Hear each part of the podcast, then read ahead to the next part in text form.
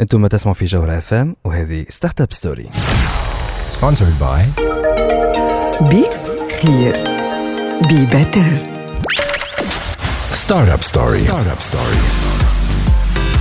عسلامة ومرحبا بكم في ستارت اب ستوري ليميسيون اللي تجيكم كل نهار جمعة من 8 ل 9 متاع الليل على تاج دي بوانتين وعلى الجوهرة اف ام جوهرة اف معكم إني مروان ثميد وفي الحلقة متاع اليوم باش نحكيو على الانتربرونيا فيمينا اليوم شنو المشاكل اللي تعرضهم كل فام انتربرونور تحب تقدم بالبروجي نتاعها لي بروغرام داكومبانيومون اللي ماهمش 100% ادابتي للي بوزوان نتاع لي فام انتربرونور اسكو لي فام انتربرونور سون بيان ريبريزونتي في لي بروغرام في لي جوري في لي ايفينمون في لي بانيل هذوما كل سؤالات اللي باش نرجعوا عليهم مع ضيفتنا اللي باش تكون معنا كارولين برومل هوس اللي باش تحكي لنا على الانيسياتيف ذا نيكست ومن وكيفاش يعاونوا انسى باش يكونوا في الانتربرونيا في نتورك اللي هم ان ريزو ينجموا يتعرفوا على بعضهم ياخذوا دي اوبورتونيتي بيزنس وينجموا يقدموا بعضهم باش يحكيوا زادا على عندهم اون بيتش كومبيتيشن اللي باش تصير تري بروشينمون في بيجا والكيف وتبرقه اقعدوا معنا إحنا باش خليكم توا مع جوين ستيفاني هلو باك جيرل أنا راجعين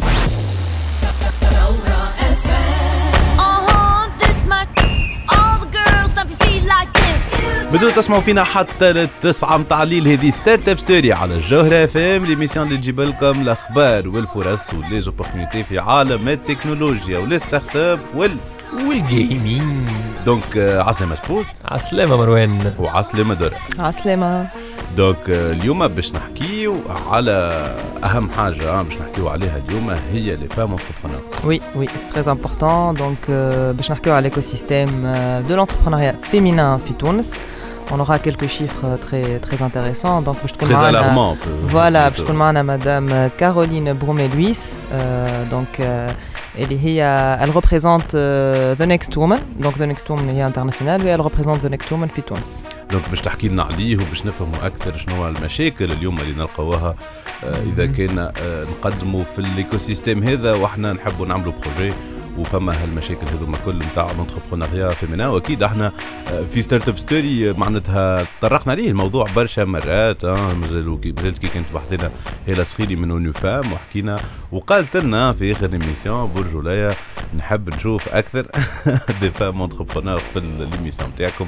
وتحكيوا أكثر على السوجي به آه، مع لي فام انتربرونور باش نحكيو سبوت آه، على موضوع آخر آه، موضوع آخر على لا باتاي ايترنيل نتاع فورتنايت واللي دخلوا عليهم جدد. آه، وي وي. اللي هما شكون هما ذوك اللي ايبكس ليجندز الببلشر هما الكترونيك ارتس أما ال- الحاجة المهمة برشا في الحكاية هذه سي الفلوس نتاع البوب نتاع جو فيديو وين قاعد نمشيو تو فهمتني؟ آه، برشا فلوس آه. ما عادش ماشيين في التلفزه وبانو يوربان فلوس صاحبي عندهم سخرة تو تحكوا عليهم اي لي جيمرز صحاح هي أيوة. باش يحكي لنا ودرا باش تحكي لنا على افريك باش نحكيو على الافريك وعلى اش قاعدين يعملوا لي ستارت اب افريكان في أمور الفينانسمون والليفي فون عملوا رقم عالمي اولمبي قياسي معناها. فوالا ربحوا الميداي دور ربحوا الميداي دور في ال في لي لوفي فون هذا كل باش نرجعوا عليه كما تعرفوا في لي روبريك نتاعنا سبوتنيك نيوز وستارت اب نيوز أحنا مازلنا معاكم وتوا باش خليكم مع باسكال مشعلاني أنت بتروح.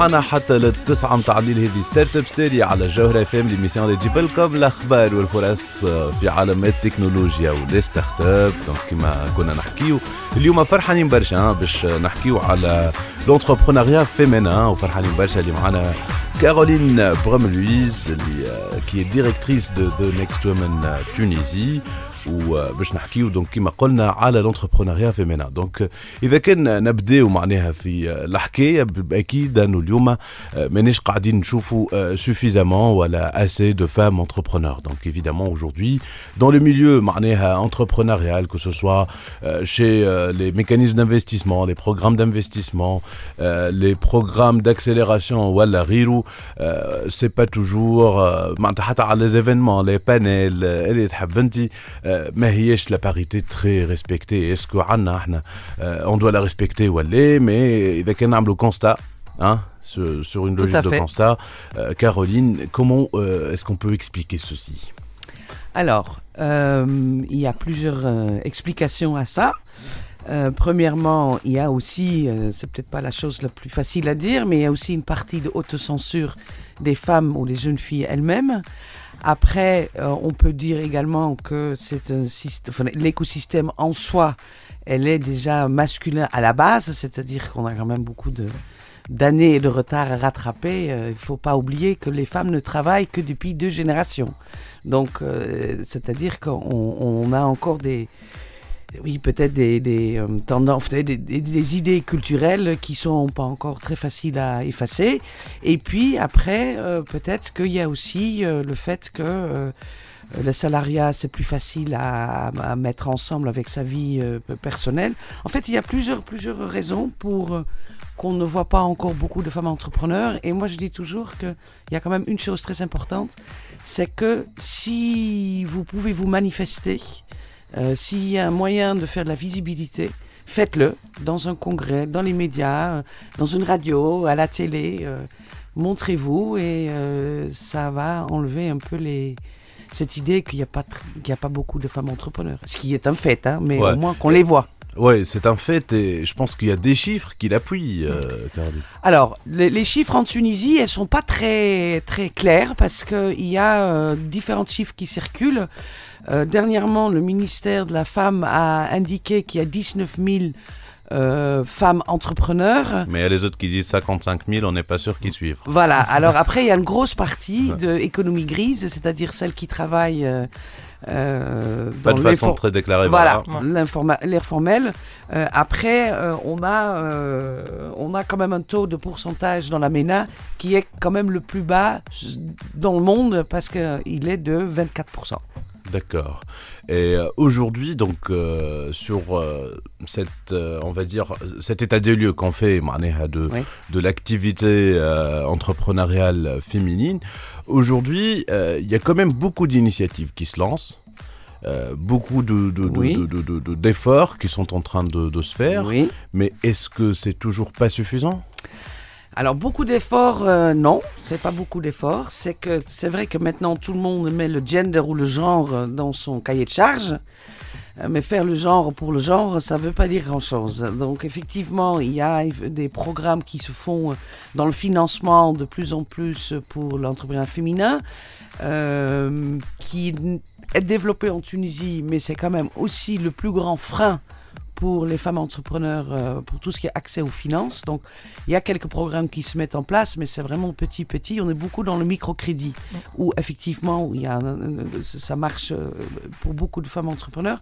Après, vous avez quelques euh, programmes d'accompagnement qui existent dans, le, dans la région MENA, euh, où il y a des Tunisiens qui ont participé. Maintenant, des programmes spécifiquement féminins, euh, pas réellement. Je ne sais pas si c'est non plus vraiment la chose à faire. Peut-être que oui, peut-être que non. Par contre, il est absolument évident que les programmes qui existent doivent s'adapter à la, on va pas dire à la personnalité des, des femmes, mais qui doit peut-être tenir, Tenir compte de la spécificité, évidemment. Absolument. C'est en, en termes d'horaire, en termes de déplacement, de transport, parce que ça, ça reste toujours un grand problème. Et donc, j'entends beaucoup de femmes qui viennent me dire, bon, tout bien, tous ces programmes, mais euh, j'ai du mal à mettre euh, toute ma vie personnelle, privée, ensemble dans ces programmes parce que on construit quelque chose sur lequel je me trouve pas pour le moment. Excellent, euh, Caroline. Donc, euh, le constat est là. Il n'y a pas autant d'activités féminines dans le dans l'écosystème entrepreneurial. Il- les programmes aujourd'hui n'adressent pas peut-être le bon problème. On va revenir avec euh, hein, les, les- les solutions euh, qui ont été apportées et le programme de Next Woman juste après la pause. Donc باش نخليوكم آه، آه، بعد شويه هنا راجعين باش نكملوا الحوار نتاعنا مع مدام آه، كارولين باش نفهموا اكثر ذا نيكست وومن تونيزي هنا راجعين على مين تقدر تداري هواك I get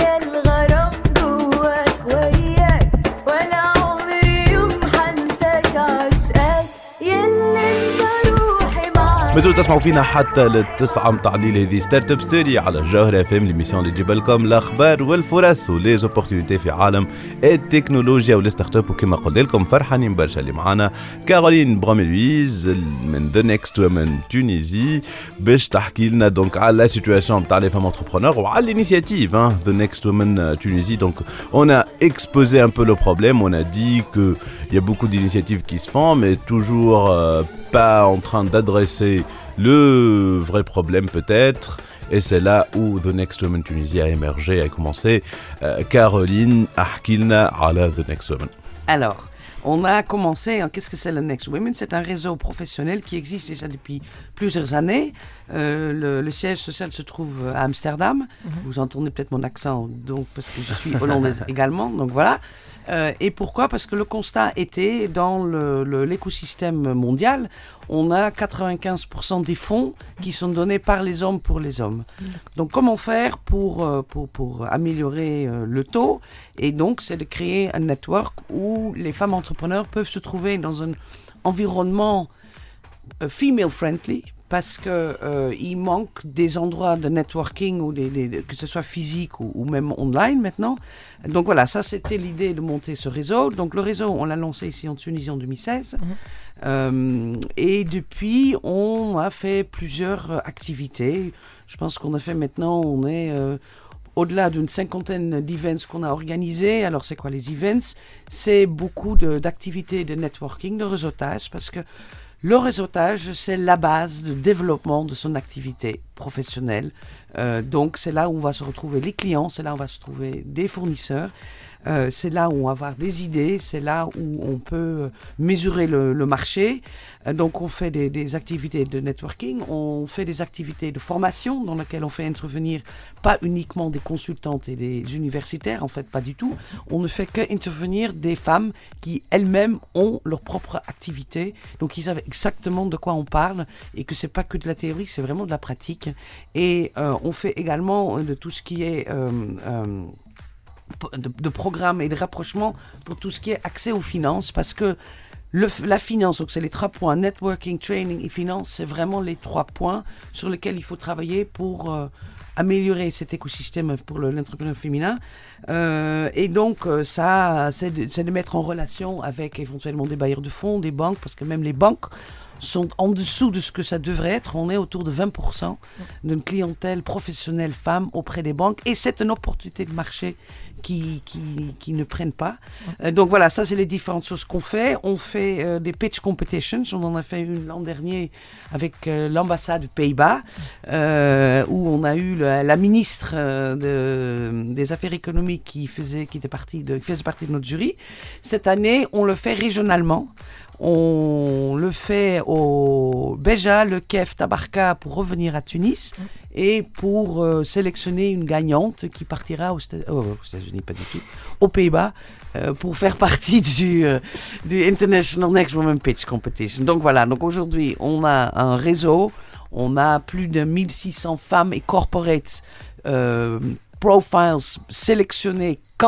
qualifiés euh, qui- qu'on connaît, on sait où elles se trouvent, on sait ce qu'elles font, et dès qu'on peut mettre les gens ensemble, on le fait. Elles viennent vers nous, nous on vient vers elles, et c'est vraiment un réseautage qui est ni politique ni euh, tel ou tel sectoriel, c'est tout confondu, secteur, âge, nationalité, parce qu'il y a aussi des étrangères qui sont là et qui peuvent euh, utiliser cet écosystème tunisien. D'accord. Et donc, euh, donc voilà, donc c'est un réseau pour, euh, pour les femmes, par les femmes, pour les femmes. Oui. Mais est-ce que The Next Woman est aussi présent dans d'autres euh, dans d'autres compétitions, dans d'autres programmes? Est-ce que l'activité de The Next Woman, est-ce qu'elle est juste dans les projets de The Next Woman ou est-ce qu'elle est présente dans d'autres programmes pour justement Développer, développer euh, plus voilà la, la- la présence euh, féminine Non, alors belle, bonne question. Non, en fait, on est, c'est- il faut le voir comme une comme une, une plateforme qu'on existe et on monte des programmes avec des partenaires Voilà. partenaires publics ou partenaires privés. Euh, ça peut être des ateliers de formation dans lesquels on fait venir des femmes euh, de l'Algérie, de la Libye, du Maroc, euh, de Tunisie pour travailler ensemble sur le sales et le marketing. Euh, ça peut être également, par exemple, avec les femmes de Libye. Il y a pas mal de, de, de, partnerships qui se font à ce niveau-là. Ça peut être des, des, des, des symposiums sur lesquels on travaille sur cette sur sur ce- cette question de féminin. Donc en fait, on est là, on a un, on, a un savoir-faire par rapport aux programmes euh, qui peuvent toucher les femmes. On le fait également en lien avec The Next Women euh, qui, est, qui se trouve en Europe, au- aux Pays-Bas. Donc euh, on utilise d'autres acteurs pour rendre plus visible cet entrepreneuriat féminin, que ce soit dans les médias ou des programmes euh, ou dans les jurys. On est présent dans les jurys, voilà. Je voulais revenir à ça. Et donc justement, ça c'est un moyen, le jury, c'est un moyen pour rendre plus visible, et Dora est lancé un peu de quelque chose, euh, pour rendre plus visible cet entrepreneur féminin, que ce soit dans les jurys ou dans les petits. Oui, justement. ابسوليومون احنا ما زلنا معاكم آه، حتى للتسعة متاع الليل ما زلت ستارت اب نيوز وما زال سبوتنيك نيوز اقعدوا معنا هنا رجعي ستارت اب ستوري ستارت اب ستوري ستارت اب ستوري ستارت اب ستوري سبونسرد باي بخير بي بيتر سيدي حبيبي سيدي الغالي. لا سلام لا كلام لا ملام لا غرام لا بنام ده حرام. تروح وتنساه لازلتوا تسمعوا فينا حتى للتسعة متاع الليل. هذه ستارت اب ستوري على الجوهرة اف ام وتوا جي وقيد. الجيمنج والفلوس. هاي مرحبا بك يا سبوت. عايش مروان مرحبا بك دونك اليوم عنا برشا أخبار عنا ديجا كالعادة آه، كيما أي مغروم بالنينتندو دوبا نجبدوها باش يكور بكم إنه هنا معناها بالمرصاد آه. آه وي بيان ماكش. باش ترحمهم آه.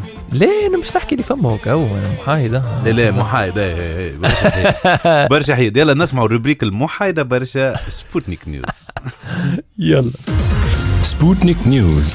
Sputnik News. عسلامة ومرحبا بمستمعي الجوهرة في موت تي اش دي بوانتين مرحبا بكم في سبوتنيك نيوز وين سبوت باش يعطيكم آخر أخبار الجيمنج الاندستري نتاع الجيمنج كبيرة برشا ومع ظهور لي سمارت فون زادت كبرت والمارشي زاد ازدهر. مع هذا لي كونستركتور نتاع لي تليفون البورتابل استغلوا الفرصة وعملوا تليفونات سبيسيال ديديي للجيمنج برشا فشل في التاريخ نتاعهم. نبداو بالنوكيا انجيج اللي خرج في 2003 بعد جاو تليفونات أخرين اندرويد ابرك شوية كيما سوني اريكسون اكسبيريا بلاي وبعد ازوس عملت تليفونات روج ريبابليك اوف جيمر وفما شاومي شنوية عملت البلاك شارك إلى آخره. حسيلو كان تحبوا تدخلوا معاهم في الديتاي ننصحكم بالشان يوتيوب @سبوتس جيمنج الإبيزود تاع الجيمنج فونز نرجع لسبوتنيك نيوز سبق في حلقة قديمة حكيت لكم على الهواوي ميت 10 كيفاش في الانونسمنت نتاعو باش عملوا البوز؟ السي أو نتاعهم في البريزونطاسيون حط في الاكران اللي وراه التليفون بيدو الميت 10 بحذاه نينتندو سويتش وبدا يعمل في مقارنة جنبا لجنب قال لك الميت 10 الاكران نتاعو أكبر ويشد أكثر شارج إلى آخره. ربح برشا بوز من هالفازه هذه ولز لي جيمرز باش يسمعوا بالميت 10 ولو ما همش انتريسي ولز حتى الصحفيين باش يحكيوا على الفازة هذيك كيما توا اللحظه هذه بار اكزومبل مثلا فهمت؟ بيان ابارامون شاومي اللي كنت نحكي لكم عليهم اللي عملوا التليفون بلاك شارك عجبتهم الاستراتيجي نتاع البوز هذيك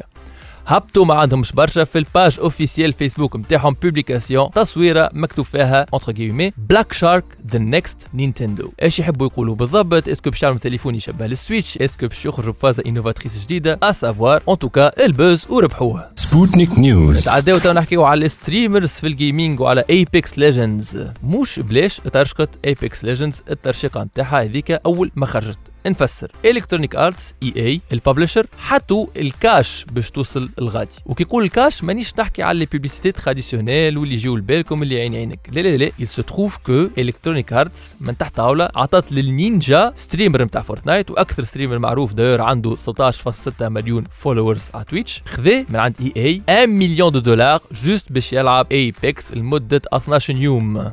ضرب 1 مليون دولار في 12 يوم اللي درزق بدي كمل ال 12 يوم نتاعو السيد ورجع يلعب فورتنايت عادي على الآخر تقول ما فما حد شيء. إي إي كيف يقوا بها فسرت الحكاية قالت حبينا نعملوا في اللونسمون نتاع الجو هكا حاجة كانوا ايفينمون انترناسيونال وين الناس كل ما تحكي كان على ايبكس دونك على ذاك نتصور خلصوا عباد في الجيمنج باش يحكيوا على الجو في ستريم ولي ميديا وأنا نحكي عليها في الميديا وما خديت من عندهم حتى فرانك كوم كوا اتر ستريمر زادا ينجم يكون عنده افاقه يمكن مش توا في تونس أما بشوية بشوية ماشيين في الثنية هذيك. هذا اللي عندنا اليوم في سبوتنيك نيوز نعطيكم موعد الحلقة الجاية. سبوتنيك نيوز سبوتنيك نيوز سبوت يعطيك الصحة. عايشو مروان يحب يقول اللي سيد معناها فورتنايت يستريمي كل نهار. عنده برشا عباد تبع فيه. 13.6 مليون. مش واي. براتيكمون 50% من المارشي نجم نقولوا معناها. برشا برشا عباد. السيد بلا قيم بلا أخلاق يمشي يلعب.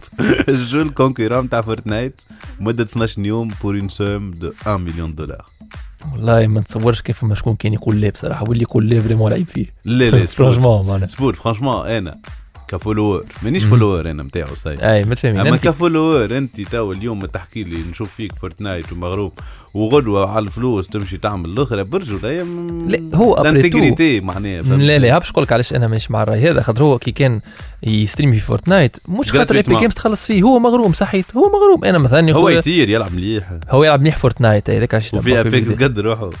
ولا لعب 12 يوم بركة ما عطاش دي ريزولتا سبيسيو أما أكيد عطاه فيزيبيليتي خيالية معناها آه، الجو آه. فهمت؟ سي سور العباد تاع فورتنايت كل شافت ايبكس دونك كلها تحب تجرب. آه نينجا يلعب في ايبكس مازالوا ما خرجوش لي شيفر تاع الإمباكت قداش من واحد ولا يلعب ابيكس اسكو كبروا؟ آه ليه؟ فما فما. ان توكا هي أول عملت ريكور أول ما خرجت وقت حكينا عليه جيف آه. لوز عملت أن ريكور اللي حتى فورتنايت ما عملتوش.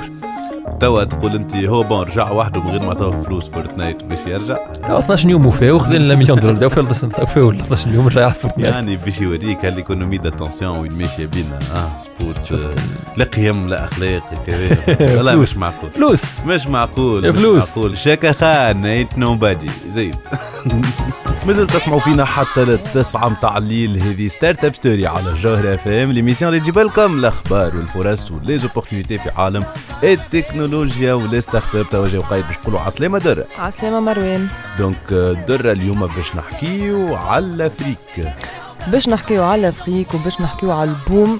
Euh, de la tech euh, sur le continent africain avec des levées de fonds, vraiment euh, des sommes exorbitantes, des sommes kbar, barcha. Donc, donc voilà, vraiment on est très content de ce les startups africaines. Parfait, parfait. Et à la nation Startup News. Startup News. Startup News.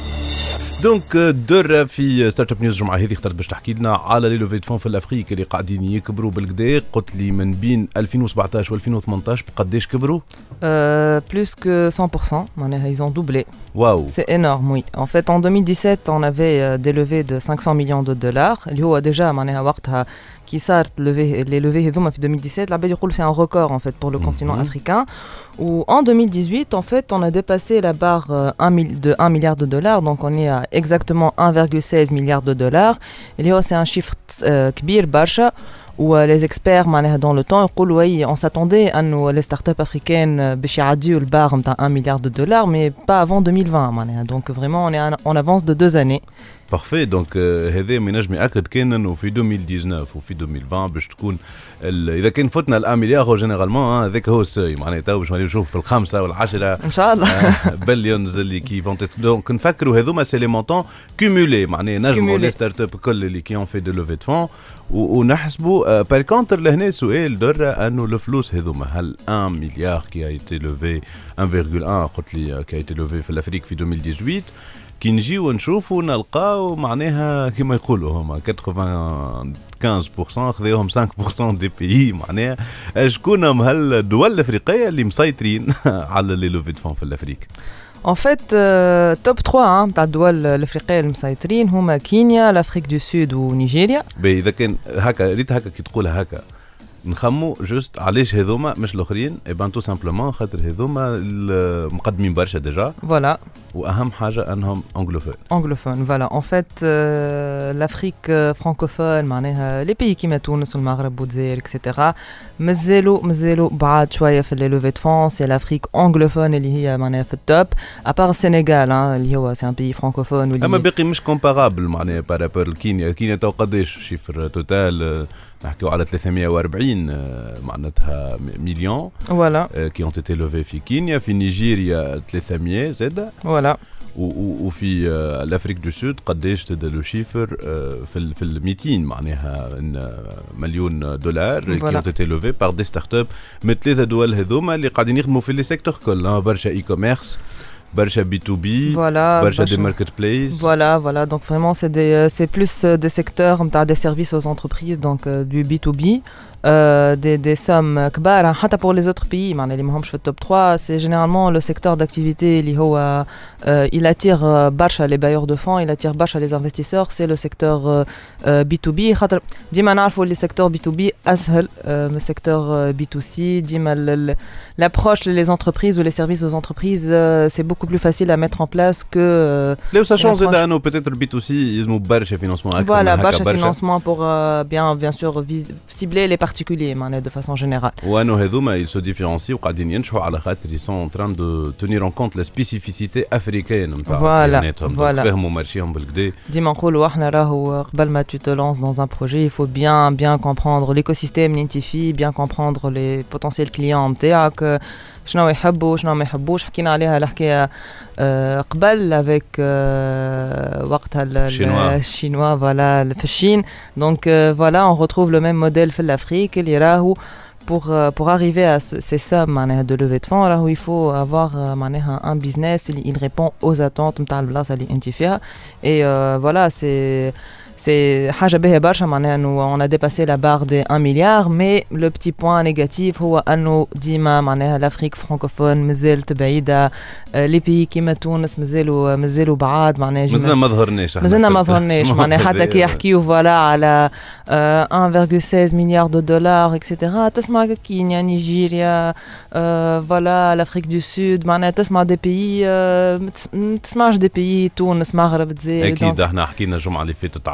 الفون دي فون بتيتر كو سي دي شوز كي فون فير بوجي لي شوز في تونس درة يعطيك الصحة هذه كانت لي لوفي دو فون في الافريك في 2018 اللي فاتوا قداش اللي فاتوا 1 مليار دو دولار Startup News. Startup News. دونك فوالا 1,1 مليار دو دولار للافريك أكثر من 90% من اللي شيفر هذوما تعملوا في كينيا ونيجيريا والافريك دو سود اسكو تونس عام الجاي باش نظهروا في الكارتة ولا ان شاء الله ان شاء الله نظهروا beaucoup de on a beaucoup d'espoir معناها انه l'écosystème قاعد يتحرك a beaucoup d'espoir انه فما برشا حاجات جدد قاعدين يصيروا في تونس معناها les plans آه وقاعدين نشوفوا في برشا معناها عباد آه، يخدموا باش يطلعوا في الانتربرونيا في تونس باش لي ستارت اب عندهم آه، حظهم في البلاد آه، في لي لوفي دو فون اكسيتيرا دونك اون اسبير كو ان شاء الله 2019 كي يخرج الرابور آه، نبداو نحن في التوب 3 اه توب 3 يلا ميسي باش نبداو بالتوب 5 وبعد نبداو نقدموا احنا مادام نحكيو على التوب 5 كان انكوراجمون كبير دونك توت لي ستارت اب التوانسه باش نشوفوا ديكسلونت سيري اي وسيري بي في تونس احنا تو باش نخليوكم مع برنس كيس احنا راجعين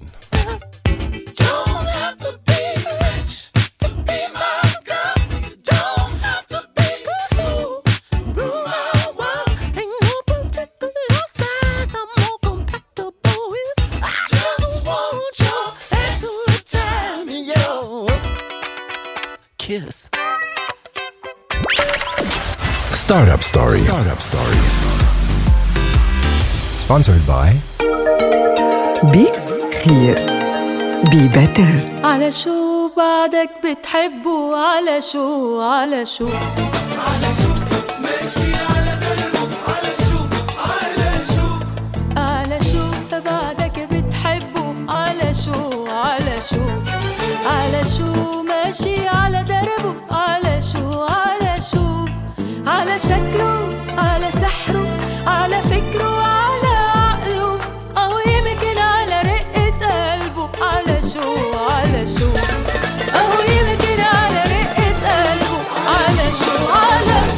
زلت تسمعوا فينا حتى للتسعة متاع الليل هذه ستارت أب ستوري على الجوهرة فام ليميسيون اللي تجيب لكم الأخبار والفرص وليزوبورتينيتي في عالم التكنولوجيا والستارت أب. وكما قلنا لكم دونك فرحانين برشا اللي معنا اليوم كارولين برومل هاوس يس دو ذا نيكست وومن تونيزي كي نو بارل ايفيدامون دو لينيسياتيف ذا نيكست وومن بور سوبورتي لي فام انتربرونور اي ليكو سيستيم انتربرونوريال فيمينا اون جينيرال دونك بكري كنا نحكيو على مسابقة بيتش كومبيتيشن اللي باش تصير في بيجا والكيف. Euh, Alors. voilà, qui, qui, qui, qui, qui, va donc euh, prendre place très prochainement et les candidatures sont encore ouvertes. Absolument, absolument. Le pitch competition, euh, la première pitch competition régionale aura lieu à Béja le 11 avril. Les inscriptions sont encore ouvertes et se termineront le 8 avril. Ah, il faut, faut s'activer là. Voilà, donc il faut s'inscrire, il faut s'inscrire et je pense que c'est la première fois qu'il y a une pitch competition déjà féminin, deuxièmement régionale. Euh, c'est une opportunité pour euh, vous rendre plus visible, pour rencontrer du monde. C'est en coopération avec l'ambassade du Pays-Bas qui travaille beaucoup sur la région du Nord-Ouest. Après Béja, on va faire le KEF. Après, il y a Tabarka pour tous revenir à Tunis. Donc, euh, Magnifique. pour la finale. Voilà. Magnifique. Donc, Béja, 10 avril, pour s'inscrire, euh, Win Win donc euh, sur, le site, euh, sur plutôt la page Facebook de Next Moment Tunisie, mm. où vous trouverez le lien d'inscription pour votre candidature. Magnifique. Très simple. Magnifique. Donc un appel, hein, l'UNESCO, hum les femmes entrepreneurs, hum, femmes entrepreneurs, ne ratez pas cette occasion pour évidemment se faire valoriser par le réseau The Next Women Ouriru. Khali نرجعوا معناها على ال- ال- ال- ال- ال- ال- العبيد اللي تحب تتبع évidemment l'initiative The Next Women pour ceux qui veulent suivre vos activités, vos events, comment Tout ils à fait. font euh, Caroline Ils peuvent suivre notre page Facebook, euh, on aura leur, euh, ils peuvent nous transmettre leur euh, email, euh, adresse email. Il y aura des newsletters qui sortent à peu près tous les 10 jours. Mm. Donc, euh, on est sur Twitter, Instagram. Euh, ils trouveront toutes les informations. Je pense le plus simple en Tunisie, c'est la page Facebook The Next Women Tunisie. Parfait. tout à fait, tout à fait. Parfait. Donc, euh, sur Facebook, The Next Women Tunisie, Caroline, s'il y a un message, Lyoma, que vous voulez faire passer, que ce soit pour les femmes entrepreneurs, que ce soit pour les différents acteurs de l'écosystème. Les décideurs de l'écosystème. Voilà, tous ces gens-là. Ouais. Les organisateurs. Tous ces gens-là. Si Voilà. vous avez un message à, à adresser, ça serait quoi? Alors, j'ai des messages très simples. Il y a toujours une histoire de visibilité. Et la visibilité, elle commence premièrement dans les médias. Moi, je, toujours- je prends toujours un plaisir de compter le nombre de photos des femmes déjà dans les revues économiques en Tunisie. Vous allez voir, c'est 1 sur 10. Et encore, je suis gentil.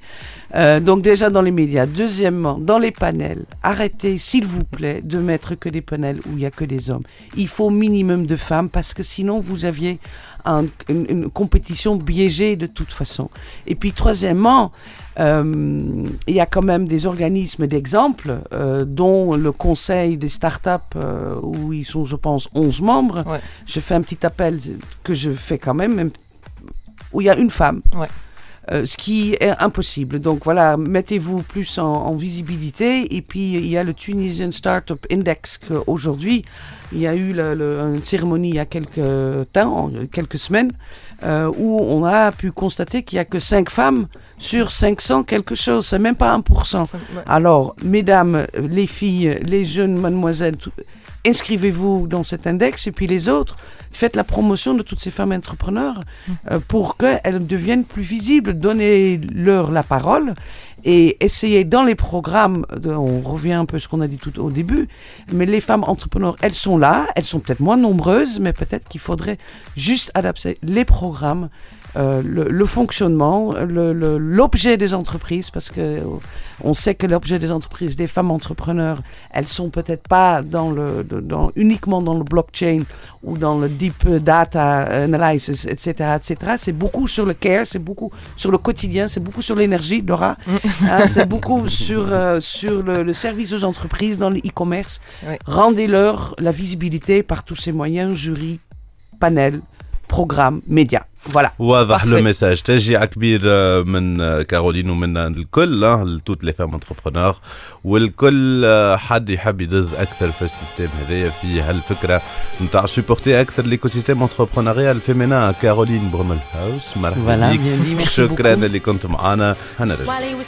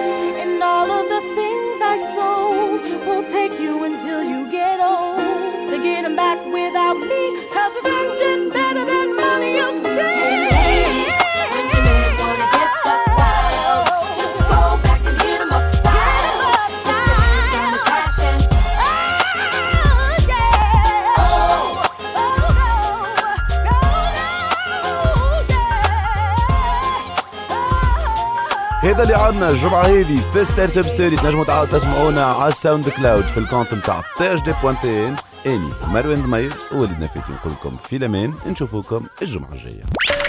ستارت اب ستوري Sponsored by Be Clear. Be Better.